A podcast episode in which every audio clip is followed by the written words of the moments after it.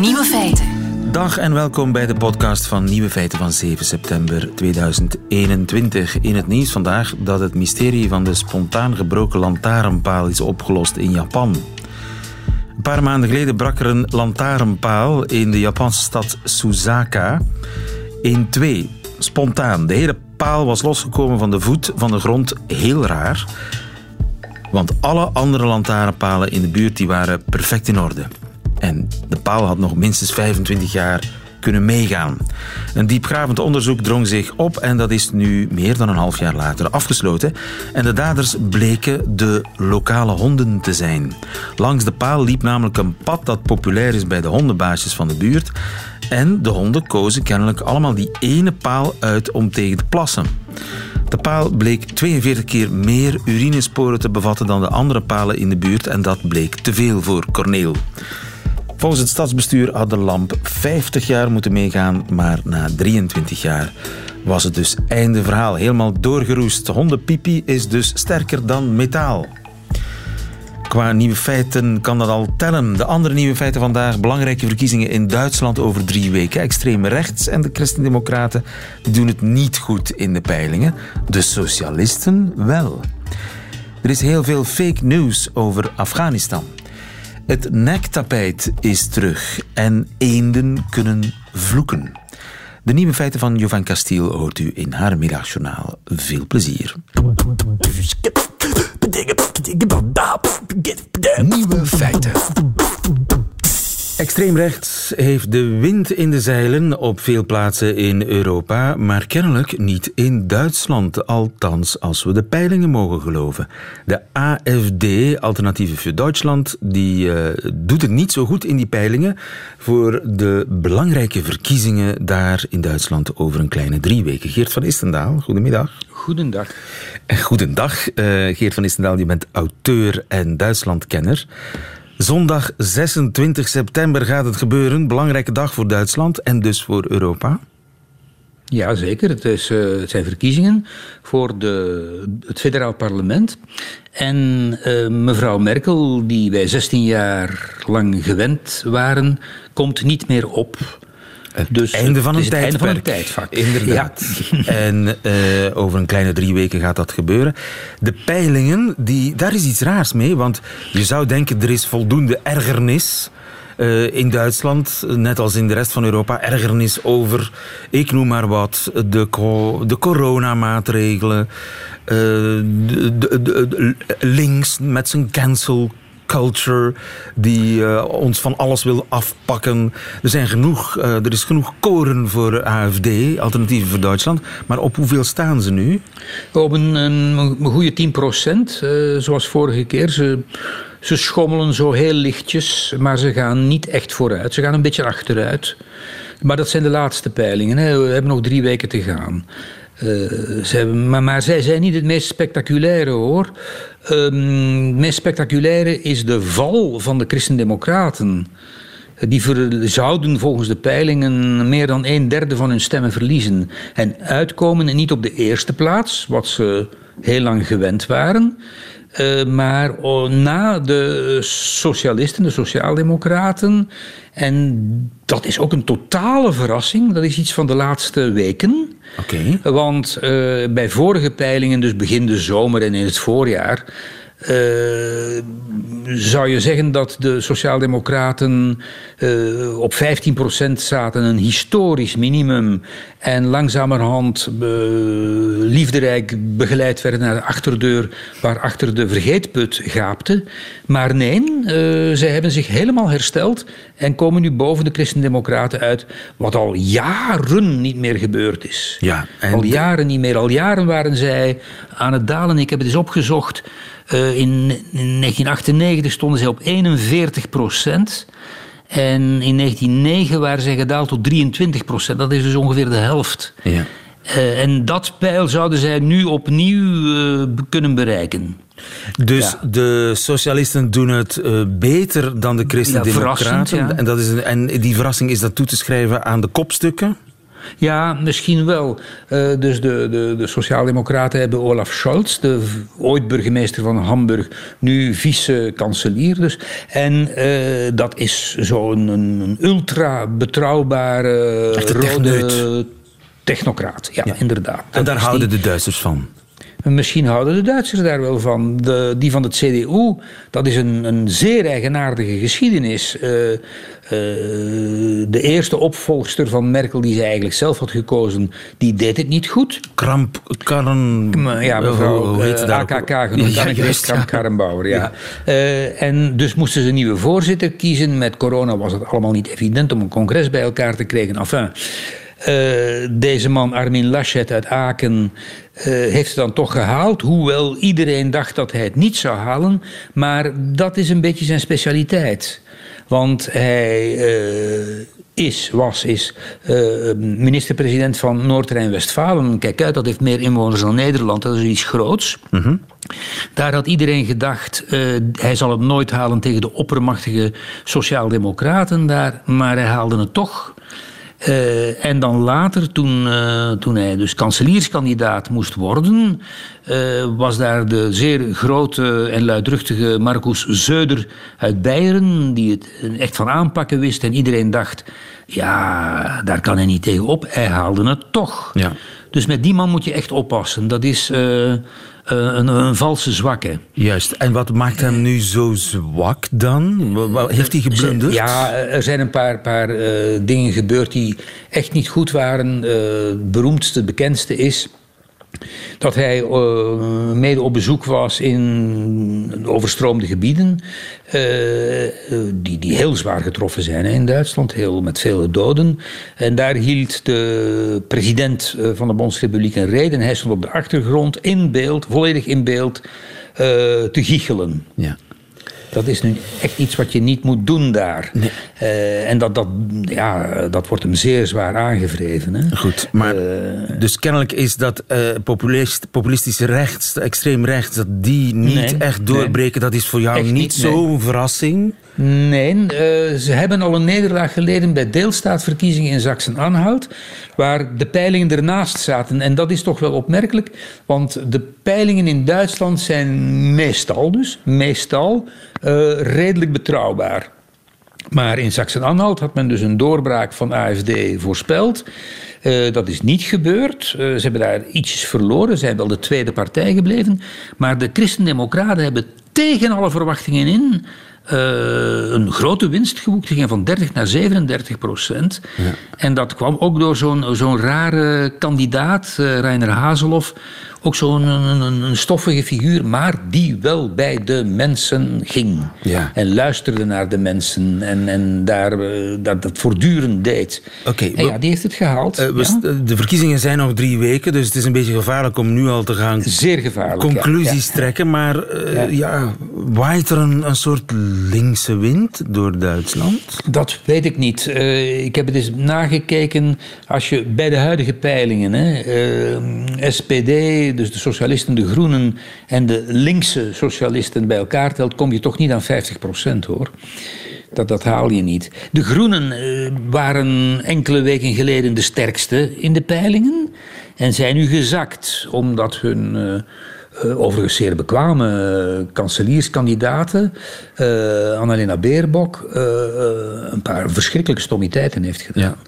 Ja. en onder meer kleine som geld niet aangegeven aan de belastingen. Ja. Dus, en dat uh, komt natuurlijk altijd uit. Blundertjes ja, aan, aan vele kanten. Blundertjes, ja. Er kan maar de, nog... de, de, CDU had ook blunders hoor. Er zijn een, een, aantal, een paar... Uh, uh, parlementsleden die zich uh, verrijkt hebben aan handeltjes met mondmaskers en zo. Ja. Dat, dat hakt er ook in. En natuurlijk het verdwijnen van Angela Merkel dat is iets wat je niet zo snel opvult. Ja. Uh, dat neem ik wel aan. Maar ja. het zou dus zomaar kunnen dat de SPD in, het, uh, in de kanselarij gaat zitten.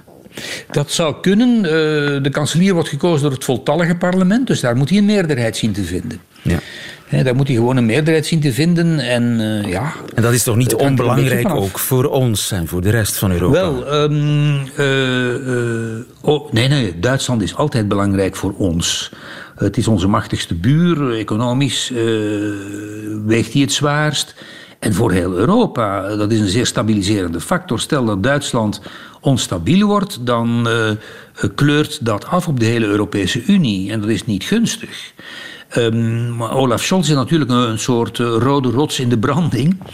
Je kunt hem onmogelijk um, echt bij de linkervleugel klasseren. Dat, dat is verkeerd. Een centrumfiguur. Die ja, zeer geen... orthodoxe opvattingen over financiën en zo. Ja, Die, kortom, met hem, stel dat hij het wordt, uh, geen revoluties, geen grote veranderingen. Geen revoluties. Dat zou, uh, indien de regering stabiel kan worden, maar de samenstelling van de regering, dat is... Uh, een, een, een, vraagteken hoger dan de televisietoren in Berlijn.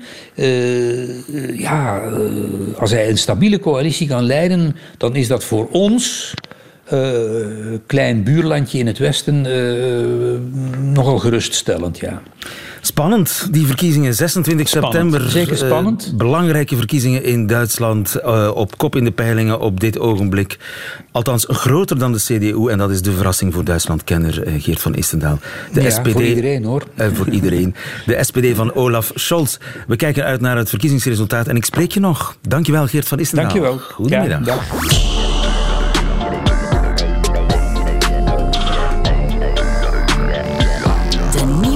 Feitenchecker. Rien Emery, goedemiddag. Goedemiddag. Rien, jij bent uh, vorige week benoemd tot de nieuwe feitenchecker. Daar ben je nog altijd heel blij mee. Klopt. Welke, welke, jij gaat dus fake nieuws van echt nieuws gaan onderscheiden. Ja. Jij uh, gaat checken of iets echt waar is of niet. De, uh, Afghanistan is nog heel erg in het nieuws, ook op de sociale media. Ja. Circuleert er veel fake nieuws uit Afghanistan? Ja, dat is ook niet zo onbegrijpelijk. Denk aan vroegere oorlogen. Wat hadden we toen? We hadden persconferenties van generaals. We hadden van die groene nachtbeelden van uh, bombardementen. Maar nu heb je sociale media. En er circuleert dus van alles en nog wat van materiaal door mensen zelf ter plaatse gefilmd en online geplaatst. En dat gaat dan soms door een wasmachine, waarbij de context verloren gaat. En zo zijn er heel wat voorbeelden geweest de voorbije weken. Ja, noem eens wat. Wel, eentje is um, uh, een van de recentste was een helikopterbeeld. Een helikopterbeeld opgenomen in Kandahar. En er hing een man aan een touw uit de helikopter.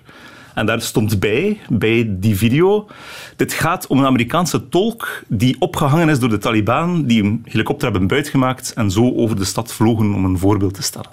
Um, Jij hebt dat gecheckt? We hebben dat gecheckt en het bleek niet te kloppen. De beelden waren echt. Het was een Afghaanse uh, helikopter van het Afghaanse leger, buitgemaakt door de Taliban. Maar de man aan het touw, het waren nogal vage beelden oorspronkelijk, bleek niet opgehangen te zijn aan zijn nek, maar in een gewoon harnas te zitten en was gewincht naar beneden, zoals in windkracht 10 vroeger. Uh, en ging, was gewoon een Taliban-strijder die wuifde naar het publiek en die daar zo aangehangen hebben om een, een, op een hoge vlaggenmast een, eh, een nieuwe Taliban-vlag uh, te bevestigen. Ja. Dus geen executie. Maar zo werd het wel verspreid oorspronkelijk. En ook natuurlijk de tegenstanders van Joe Biden. Het zijn allemaal heel pijnlijke beelden, die terugtrekking. Biden, uh, opperbevelhebber van het leger nog altijd. Um, die tegenstanders van Joe Biden die spelen die ook uit. Dus verschillende hoge republikeinse politici uh, hebben dan het beeld ook gedeeld met, met het verhaal dat het ging om een executie van een Amerikaanse tolk. En zelfs uh, Donald Trump Jr., de zoon van de vorige president, had een, een eigen versie gemaakt van het campagnelogo van Biden, waarbij hij een letter had vervangen door een tekening van die helikopter met die man die eraan hing. Dus het is echt iets dat dan meteen uh, op gang komt. Dus met goedkeuring of onder op verantwoordelijkheid van Biden worden Amerikaanse helikopters gebruikt om tegenstanders van de Taliban op te hangen. Nee, nee, nee, zeker niet. Zeker dat, werd, dat was het verhaal. Dat was het verhaal. Maar dat, dat klopt dus niet, voor alle dus duidelijkheid. Uh, die, die helikopters zijn natuurlijk wel buitgemaakt. Sommige daarvan, de, een groot deel is onklaargemaakt, maar uh, daar wordt nu mee gevlogen door de Taliban. Maar dus wat ze voorlopig gedaan hebben, is een van hun eigen eh, medestanders laten wuiven naar het publiek in Kandahar. Juist. En weten wij nu waar dat te situeren valt, die, dat, het gespin met dat nieuws, dat, dat fake nieuws maken? Hebben we één idee waar die bron zit? Nee, dat gaat. Dat gaat bedoel, de beelden zelf waren online gezet door een, door een Afghaans uh, radiostation. Uh, met een, een, bijschrift erbij in uh, Pashto, een taal daar. Maar ja, mensen zien iets anders daarin. Uh, het is makkelijk om een mis misinterpretatie te maken. Dat gaat niet noodzakelijk altijd om bewust. bewust. Nee, heel zeker niet. Vaak is het gewoon misverstanden. Ja, over vrouwen en vrouwenrechten wordt ook heel veel nieuws verkocht, hè? Ja, Afghanistan. We, we, kennen de Taliban van vroeger nog. We weten dus dat de situatie van de vrouwen daar met argusogen zal bekeken worden. Uh, en er zijn ook al heel wat dingen al gebeurd ondertussen. Um, eentje, vooral dan het lot van vrouwelijke journalisten. Eén journalist had een filmpje online geplaatst waarbij ze zei van ik mag niet meer gaan werken. Uh, van de Taliban. Ik weet niet of dat we hebben. زه شبنم دوران یم د تیرو شپږو کلونو راهیسې دلته په افغانستان کې زه د خبریال د خبر څانګې د ویاندې په توګه دنده ترسره کوم وروستنۍ دنده مې په Het is heel boeiend wat die mevrouw vertelt. Heb je enig idee? Wel, het, is, het is een authentiek filmpje. Die, die journaliste heet uh, Shabnam Dauran. En die is ondertussen ook echt geëvacueerd uit Kabul naar het Verenigd Koninkrijk, waar ze nog altijd uh, tweet en berichtgeving doet. Maar ze mocht dus inderdaad niet meer gaan werken. Er zouden 700 vrouwelijke journalisten aan, aan het werk geweest zijn in Afghanistan voor de overname door de Taliban. Er zouden er nog maar 100 van over, over, overblijven. Dus dat is ook iets om in de gaten te houden. Maar, en we weten dat het precair zal zijn, um, maar er zijn ook foute berichten. Er zijn ook foutberichten zoals dat de Taliban zouden slavenmarkten voor vrouwen organiseren, nu al. En daar staan dan foto's bij. Maar, maar, maar, dus die, die video van die vrouw die niet mag werken, dat is wel echt? Dat is absoluut echt. Dat, is dat heb je gecheckt, dat is oké? Okay. Dat is oké. Okay. En die, die, is gelukkig veilig uh, en geëvacueerd met een van die evacuatievluchten. Oké, okay, maar er zijn nog andere berichten? Ja. Um, er was ook een bericht, een foto, een zeer pakkende foto van een uh, man met uh, ketens en allerlei andere vrouwen met grote burkas aan die, die, die aan hem En hij, lijkt echt die vrouwen te verkopen op een soort slavenmarkt. Was dat een echte foto? Die foto was echt, maar die kwam niet uit Afghanistan. Ze kwam zelfs niet uit Syrië of, of elders, wat heel vaak gebeurt. Uh, de recente foto's uit de Syrische burgeroorlog die gerecupereerd worden en nu worden voorgesteld als Afghanistan. Nee, uh, het was een foto uit Londen van mensen die een protestactie organiseerden tegen het lot van de Syrische vrouwen in de Syrische burgeroorlog enkele jaren geleden. Die dus nu opgerakeld wordt met een verhaal erbij van kijk, dit zijn Taliban die vrouwen verkopen. Onwaarschijnlijk. Ja, we, weten, we weten, dat, uh, we weten dat de Taliban uh, vrouwenvriendelijke standpunten hebben en uh, die waarschijnlijk ook in de praktijk zullen willen brengen, opnieuw. Maar dus niet alles dat je daarover ziet klopt, wel degelijk. Dus er zijn geen vrouwenslavenmarkten in Kabul? Momenteel al sinds nog niet. Ja, maar nee. toch trappen veel mensen daarin. Ja, omdat ook het... belangrijke mensen. Ja, ja, omdat het soms geloofwaardig lijkt en omdat bepaalde dingen kunnen een echt fenomeen tonen, maar met een valse foto erbij. En het is niet omdat je dan zegt van kijk, die foto is nu wel niet correct, het is fout, dat daarom het fenomeen niet eventueel kan bestaan. Maar ja. we hebben geen indicatie dat er momenteel slavenmarkten zijn, maar we weten natuurlijk dat de positie van de vrouw daar zeer precair wordt de volgende, de volgende jaren. Okay, heb je nog meer fake nieuws geraapt in, in die buurt? Uh, er, is nog, was ook nog een hele zielige foto van hondjes. Um, een zielige foto van hondenkooien op de luchthaven van Kabul. Uh, van die typische benches waar, waar honden in vervoerd worden of uh, in de auto worden gestopt. En, en die waren daar achtergelaten. Door de Amerikanen. Was het verhaal. Door de Amerikanen. En het zou gegaan zijn om de bomhonden van het Amerikaanse leger, de, de, de military ser, uh, service dogs, de working dogs, noemt men dat daar. En die zouden, zouden dus, dus in de steek gelaten zijn door Biden um, bij de evacuatie, was het verhaal. Je hebt het onderzocht? Ja. Ook dat was genuanceerder en klopte niet helemaal. Dus Pentagon het Amerikaanse ministerie van Defensie heeft zelfs een speciaal persbericht daarvoor uitgestuurd van nee, we hebben al onze honden wel degelijk geëvacueerd, die zitten allemaal veilig terug thuis. Um, maar die honden die behoorden tot de uh, Kabul Small Animal Rescue, een organisatie die zich bekommert om uh, dieren, huisdieren in Afghanistan. En het waren wel degelijk huisdieren van mensen, van ambassadepersoneel of van ja, onderaannemers van het Amerikaanse leger honden die daar gebruikt werden. En die waren daar op dat moment, dus die foto was ook authentiek, die was niet gefotoshopt. Je zag op de achtergrond een, kapotte helikopter staan, die was echt genomen op de luchthaven van Kabul. Um, maar ook daar werd dan weer, um, ja, dat wordt, ook heel hard uitgespeeld, omdat mensen houden van, uh, van, van dieren natuurlijk. Dus net zoals dat campagnelogo dat Donald Trump Jr. van Biden had gefotoshopt om die helikopter erin te doen, had hij hetzelfde gedaan met een bloederige pootafdruk van een hond. Uh, en om, om dan uh, ja, te zeggen van kijk, Biden heeft onze, onze military dogs achtergelaten. Klopt dus niet. Het, waren een ander type honden of uh, huisdieren. Het waren, wel honden van Amerikanen. Het waren geen honden van Amerikanen, het waren Afghaanse honden of uh, mensen, ja, mensen van uh, Afghaans ambassadepersoneel. De echte honden die in dienst waren, tussen aanhalingstekens, van het Amerikaanse leger. Die, zijn die waren meegegaan. geëvacueerd. Die zijn meegegaan naar Amerika. Maar ook dat, is, dat, ook dat was een, een, grote controverse, want er was ook een foto die circuleerde van een hond in een vliegtuig die een zetje innam. En dan waren mensen aan het zeggen van, ja, moeten we hier niet iemand anders, een persoon opzetten, een bedreigde Afghaanse politicus of zo? Uh, en zo wordt onze verontwaardiging voortdurend ja, langs beide geëxploiteerd. Kanten, ja. En ja. vaak op uh, oneerlijke manieren. En daarom hebben we jou in dienst genomen. Waarvoor dank Rien Emery, onze fact-checker. Feiten. België heeft dan toch het EK gewonnen. Niet het EK voetbal, vrees ik, maar wel dat van het mooiste nektapijt. Le vainqueur de cette année est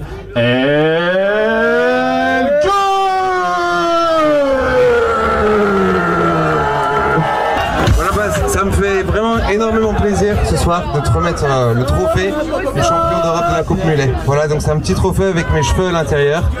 J'espère que tu pourras perpétuer la tradition. Je vous remercie infiniment, infiniment de, de toutes ces gloires que vous m'apportez aujourd'hui.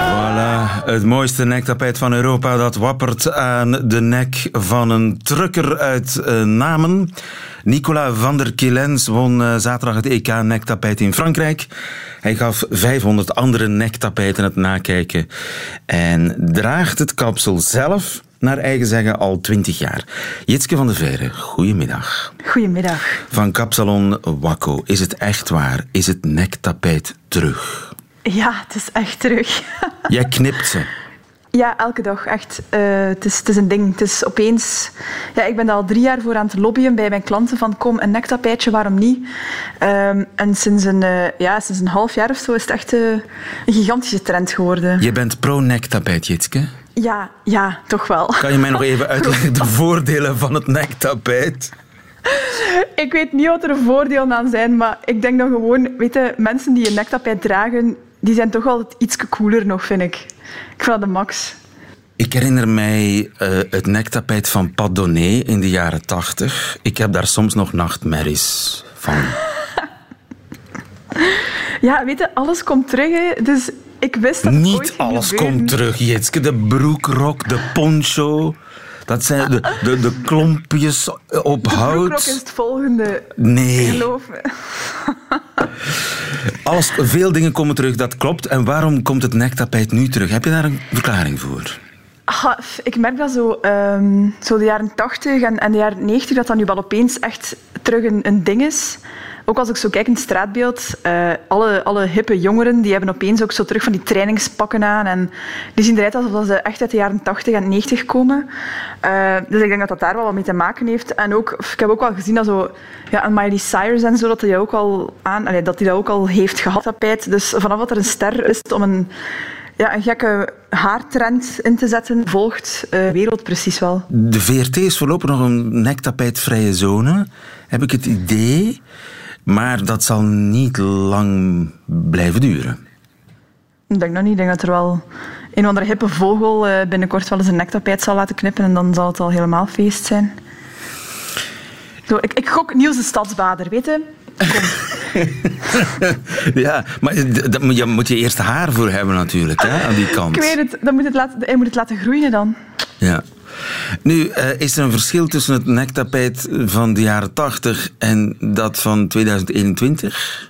Of is het ja, hetzelfde tapijt? Wel. Nee, het is, het is anders. Ik heb de indruk dat de jaren 80 dat dat zo... Goh, bovenaan was dat heel kort en dan achteraan was dat heel lang. En, en dat was ook veel met krulletjes en permanentjes precies. Ja? Uh, maar nu merk ik dat zo de... Ah, het is wat de bravere versie. Mensen denken gewoon van ik ga het achteraan iets langer laten. Uh, het, is, het, is, het is moderner. Ik kan het niet anders uitleggen dan dat. Het is moderner omdat je... Ja. Uh, het is ook uh, min of meer uh, een halfslachtig nektapijt. Ja, het is zowel mossel nog vis, maar je ziet wel dat het een nektapijt is, maar je kunt ook gewoon zeggen van ja, mijn haar is uitgegroeid in de corona. Zo dat. Ja. Je, je, kunt, je kunt nog een nektapijt ontkenner zijn. Er een hebben, Ja, maar het eigenlijk wel. ontkennen. Dat kan ook Ja. nog.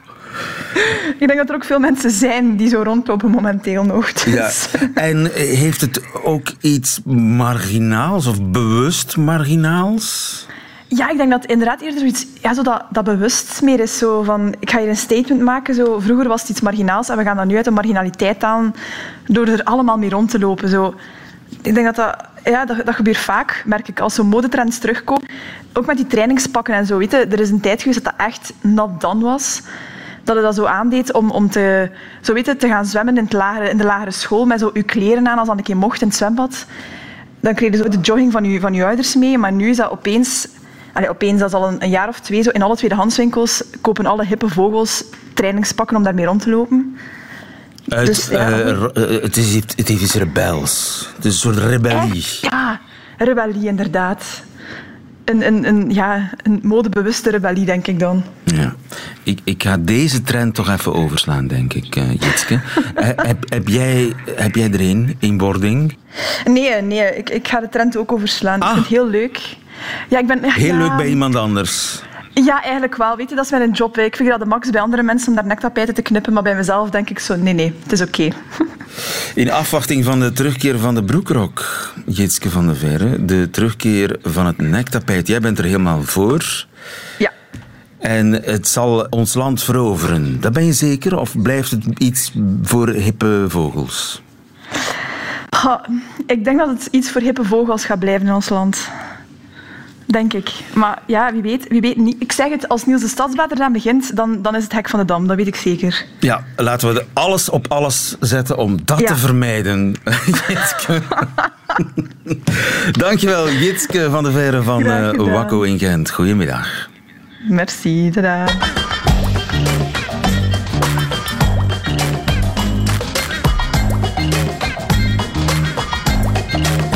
Nieuwe feiten. Het zou een vraag kunnen zijn in de woensdagquiz morgen. Wie zegt hier you bloody fool? bloody fool. bloody fool. bloody fool. De oudste vrouw ter wereld, zou ik denken. Of een papegaai. Maar dat is het dus niet. You bloody fool. Wie zegt hier you bloody fool? Professor Ten Kate, die weet het. Goedemiddag, professor. Goedemiddag. Karel Ten Kate, u bent uh, gedragsbioloog aan de Universiteit van Leiden. Wie zegt hier you bloody fool? Ja, dat is Ripper. En Ripper? Ripper is een uh, Australische muskuseend. Een eend? Wie had dat gedacht? Kunnen ja. eenden imiteren, stemmen? Dat wist ik niet.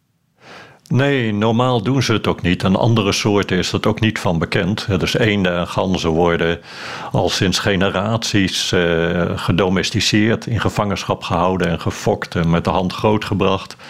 En bij geen enkele soort is er ook maar enige aanwijzing dat die uh, geluiden kunnen imiteren. Maar bij deze soort blijkt dat dus wel mogelijk te zijn. De muskus eend. Het klonk een beetje een oude opname, toch? Ja, dat is waar. Het is een opname uit 1987 al. Van een Australische vogelman. Die uh, ja, vogelgeluiden opnam. En uh, in een vogelpark uh, hoorde hij dat er een eend was die bijzondere geluiden maakte. En heeft in 1987 deze opname gemaakt. Juist ja, van Ripper. Ripper die intussen niet meer leeft, uiteraard. Het is een opname uit de jaren van 35 jaar geleden. Ja, precies. Ja. Ripper is niet meer. En uh, Ripper, die, die kon nog meer, hè? Dit bijvoorbeeld. Dat is ongelooflijk. Het lijkt wel een, uh, een iets metaals. Het is ook iets metaligs. Wat is het? Het is uh, een imitatie van de deur van de kooi waar die oorspronkelijk in gehouden werd. Dus dat geluid dat heeft hij als jonge vogel kennelijk opgeslagen. En pas toen hij seksueel volwassen werd, en dat worden deze eenden na een jaar of twee, drie, begon hij dit soort geluiden te maken. Oké, en dus ik heb hier intussen de echte deur gevonden. Inderdaad. Het klinkt bijna even. Het, ja, het lijkt er sterk op. Dus hij imiteert die, die dichtklappende deur van zijn volière. En dat doet hij als hij seksueel volwassen is geworden. Ja, dat klopt. Dus uh, het, het, uh, net als bij zangvogels is het zo dat deze eend kennelijk op jonge leeftijd uh, de geluiden opslaat die hij om zich heen hoort. En uh, bij zangvogels zijn dat bijvoorbeeld de geluiden van de vader of van andere soortgenoten. En wanneer ze zelf in het voortplantingsseizoen uh, aan de gang gaan en gaan zingen, dan produceren ze die geluiden. Om te pronken. En Ripper doet eigenlijk precies hetzelfde. Ja, dat is om te pronken, om, om andere mannetjes te intimideren en om vrouwtjes te lokken. En in plaats van het normale geluid van deze eend maakt hij dus uh, dit soort geluiden. En dat komt omdat hij op jonge leeftijd met de hand is grootgebracht. En nooit met soortgenoten in aanraking is geweest. Dus hij heeft geen kans gehad om het normale geluid te leren. En als alternatief heeft hij deze geluiden die uh, verbonden zijn met uh, ja, de verzorger en de situatie waarin hij als jong beest zat. Ja. Gebruikt hij deze geluiden om te balsen. En hij is geen unicum. Het is gewoon omdat hij toevallig een van de weinige muskuseende is die, eh, laten we zeggen, in gevangenschap, niet in de natuur is opgegroeid. Dat is gebleken dat die eendensoort geluiden kan imiteren en stemmen kan imiteren. Ja, dat klopt. Um, toen we bezig waren om dit verhaal op te schrijven, dus degene die die opname oorspronkelijk heeft gemaakt, daar ben ik mee in contact gekomen. En die uh, wist nog het een en ander. En heeft ook uh, een aantal mensen weten te achterhalen die in uh, Engeland ook een paar eieren van deze soort hebben geïmporteerd. Waaruit ook mannetjes kwamen die met de hand zijn grootgebracht. En daar waren ook twee mannetjes waarvan ze zeiden en konden vertellen dat die ook menselijke stemmen en andere geluiden, zoals een briesende pony of het gehoest van een verzorger of een piepende deur konden imiteren. En dat is iets wat we eigenlijk al hadden kunnen weten 35 jaar geleden, maar we zijn dat verhaal nu pas op het spoor gekomen. Ja, nou ja, het is uh, 35 jaar geleden uh, wel eens beschreven, maar in een boek over alle vogels van Australië, waarin uitgebreid alle informatie die bekend was opgesomd stond. En er is ook een tijdschriftartikel wat gaat over uh, deze eendensoort. En daar worden die opnamen wel genoemd, dus ze waren wel bekend. Maar onder onderzoekers die geïnteresseerd zijn in dat vocaal leren en waar het voorkomt bij allerlei soorten en hoe het werkt en hoe het geëvolueerd zou kunnen zijn, daar is deze waarneming eigenlijk nooit uh, uh, doorgedrongen. Dus het was ook bij toeval dat ik het ergens op het spoor kwam. En uh, ik, ja, ik ben zelf een onderzoeker die zich ook veel bezighoudt met vogelgeluiden en ook het leren van geluiden. En ik raakte geïnteresseerd en kon dus uiteindelijk de opname en degene die het gemaakt had traceren. Zo kan toeval echt wel meewerken in de wetenschap. Absoluut, absoluut. Ja dat u die man nog heeft kunnen vinden die de oorspronkelijke opname heeft gemaakt. Nu, wat zegt dat over het eende brein? Want ja, je hebt toch niet alleen een, een apparaat nodig om geluiden te maken, je hebt ook ja, een brein nodig om geluiden te maken. En ja, ik heb het idee dat eendachtigen, dat die niet de snuggerste vogels zijn. Ja, die reputatie hebben ze wel een beetje. Ik zal in het midden laten of dat helemaal terecht is of niet. Maar in ieder geval is het zo dat hun hersenen toch anders in elkaar zitten dan die. Eh, of in een aantal opzichten wat anders in elkaar zitten dan die van zangvogels en papegaaien bijvoorbeeld. En bij die zangvogels en papegaaien zijn er specifieke hersendelen in de loop van de evolutie ontstaan. Die uh, uitsluitend dienen eigenlijk voor het leren van die geluiden en het ook die geluiden kunnen maken. En bij eenden was eigenlijk het idee dat die gebieden niet aanwezig zijn, of in elk geval zeker niet in de vorm waarin ze bij zangvogels en uh, papegaaien aanwezig zijn. Ah, nee, want die eend die kwekt alleen maar wat. Ja, en dat is dus helemaal de vraag hoe uh, de een de hersenen van deze soort in elkaar zitten. En, hoe, uh, en wat de verschillen zijn met uh, de hersenen van eenden die geen geluiden, geluiden imiteren. En dat is voer voor nader onderzoek. Ja, zeker. Dus ik hoop dat daar inderdaad uh, vervolgonderzoek naar plaats kan vinden. En zo ontdekken we elke dag iets nieuws. Dankjewel, professor Tenkate. Goedemiddag. Graag gedaan. Nieuwe feiten. Dat waren ze, de nieuwe feiten van 7 september 2021. Alleen nog die van de Amerikaanse Jovanka Steele heeft u te goed in haar middagjournaal. Nieuwe feiten. Middagjournaal. Goedemiddag. Er zijn veel dingen in ons leven die we heel gewoon vinden. Maar er was een tijd wanneer die dingen nog onbekend waren en iemand ze moest ontdekken. Hoe weten wij dat bepaalde champignons giftig zijn? Omdat iemand ergens lang geleden dat voor ons heeft getest.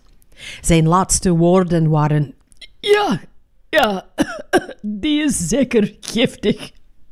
Daarna schreef iemand anders die info op in een boek en riep: Oké, wie gaat de volgende champignon testen? Duizenden jaren geleden heeft iemand op een dag alcohol ontdekt. Misschien dacht iedereen dat hij gek was. Wat doet die gekke Jan? Hij is druiven met zijn voeten aan het mengen en hij zegt dat hij alles een paar jaar in een vat wil bewaren en daarna wil opdrinken.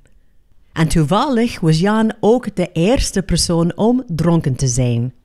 Hij stond om twee uur s morgens voor ons huis te zingen. Daarna omhelste hij mijn man, begon hij te huilen en viel hij in slaap naast onze tuinkabouter.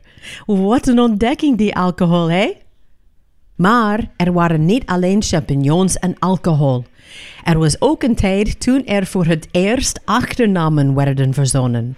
Iedereen kreeg een achternaam op basis van hun job of de plaats waar ze vandaan kwamen. Zo kende je het verschil tussen Kenny de Bakker en Kenny van Hasselt. De problemen begonnen een paar jaar daarna, toen mensen ander werk hadden, maar wel hun achternaam behielden. Goedemorgen, meneer. Mag ik een roggebrood, alstublieft? Sorry, ik heb geen brood. Ik ben een bouwvakker. Daarom ben ik deze kerk aan het bouwen. Oh, waarom is jouw naam dan de bakker? Dat is gewoon mijn familienaam. Jaren geleden waren mijn voorouders bakkers. Oh, ik begrijp het. Toen ik mijn vrouw ontmoette, had ik hetzelfde misverstand. Ken je mijn vrouw, Chantal de Hoer? Zo ging het duizend jaar geleden. Gelukkig zijn de tijden veranderd en is er niemand die zegt: Hallo, ik ben Kenny de seksuoloog. Oeh, dat is een vreemde achternaam. Wat betekent dat? Niemand weet het precies, maar als ik op radio of tv kom, maak ik iedereen een beetje ongemakkelijk. De groeten van Jovanka van California en tot morgen.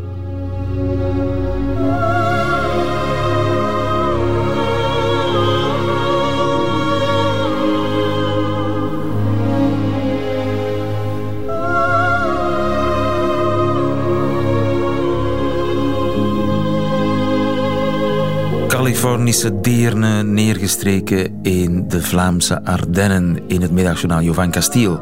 Einde van deze podcast hoort u liever de volledige nieuwe feiten met de muziek erbij. Dat kan natuurlijk via de app of via de site van Radio 1. Tot een volgende keer.